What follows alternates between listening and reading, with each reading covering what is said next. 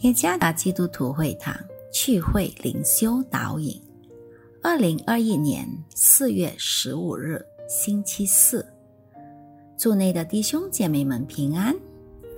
今天的灵修导引，我们将会借着圣经马太福音第四章第五到第七节来思想今天的主题：不可试探主。作者。于来发传道，马太福音第四章第五节，魔鬼就带他进了圣城，叫他站在殿顶上，对他说：“你若是神的儿子，可以跳下去，因为经上记着说，主要为你吩咐他的使者，用手托着你，免得你的脚碰在石头上。”耶稣对他说：“经上又记着说，不可试探主你的神。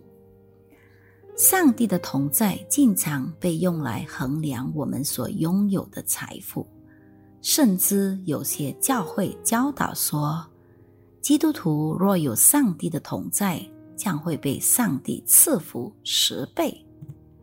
如此的说法对吗？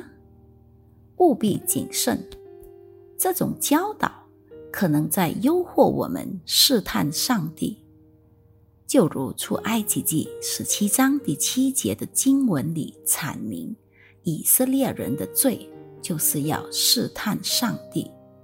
试探上帝是在他们中间，不是唯有那些真正遵守上帝旨意的人才会经历到上帝的同在。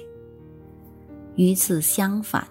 那些最终倒闭在旷野里的，会感觉到上帝远离他们了。为何会如此呢？因为他们所求的大多数都不遵守上帝的旨意，他们宁可选择填饱肚子，也不愿意与上帝同在。他们选择坐在肉锅旁边，吃得饱足。也不愿意经历与上帝的同在来洁净他们。参看出埃及记十六章第三节，魔鬼就是利用这种诡计来试探耶稣。耶稣被带进圣城，站在殿顶上。第五节，对以色列人而言，圣殿就是有上帝同在的象征。以色列人屡次伤透了上帝的心，但他们仍然可以享受上帝的同在。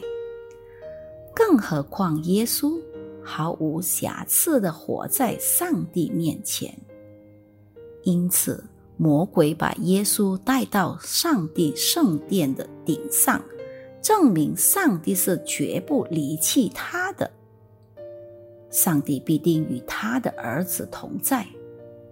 然而，耶稣并没有听从魔鬼的诱惑，耶稣反而对他说：“不可试探主你的神。”第七节，耶稣所说的这句话意味着什么？我们不应该疑惑上帝的同在。我们可能经历过苦难。上帝似乎离弃我们，远离我们。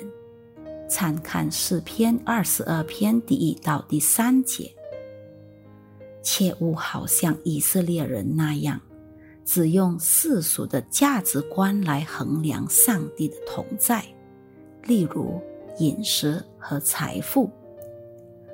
倘若我们错误的了解上帝的同在，那么魔鬼就会。轻而易举的攻击我们，确实，上帝的同在永远在我们的生活中是真实可信的。事实证明，他时时刻刻都在供应我们的需求和看顾保守我们。上帝的救恩也白白的赐予我们。既然耶稣能战胜魔鬼的试探我们也必定能靠着上帝的帮助来战胜他。上帝的同在不是物质上的确据而是真正的救恩。愿上帝赐福大家。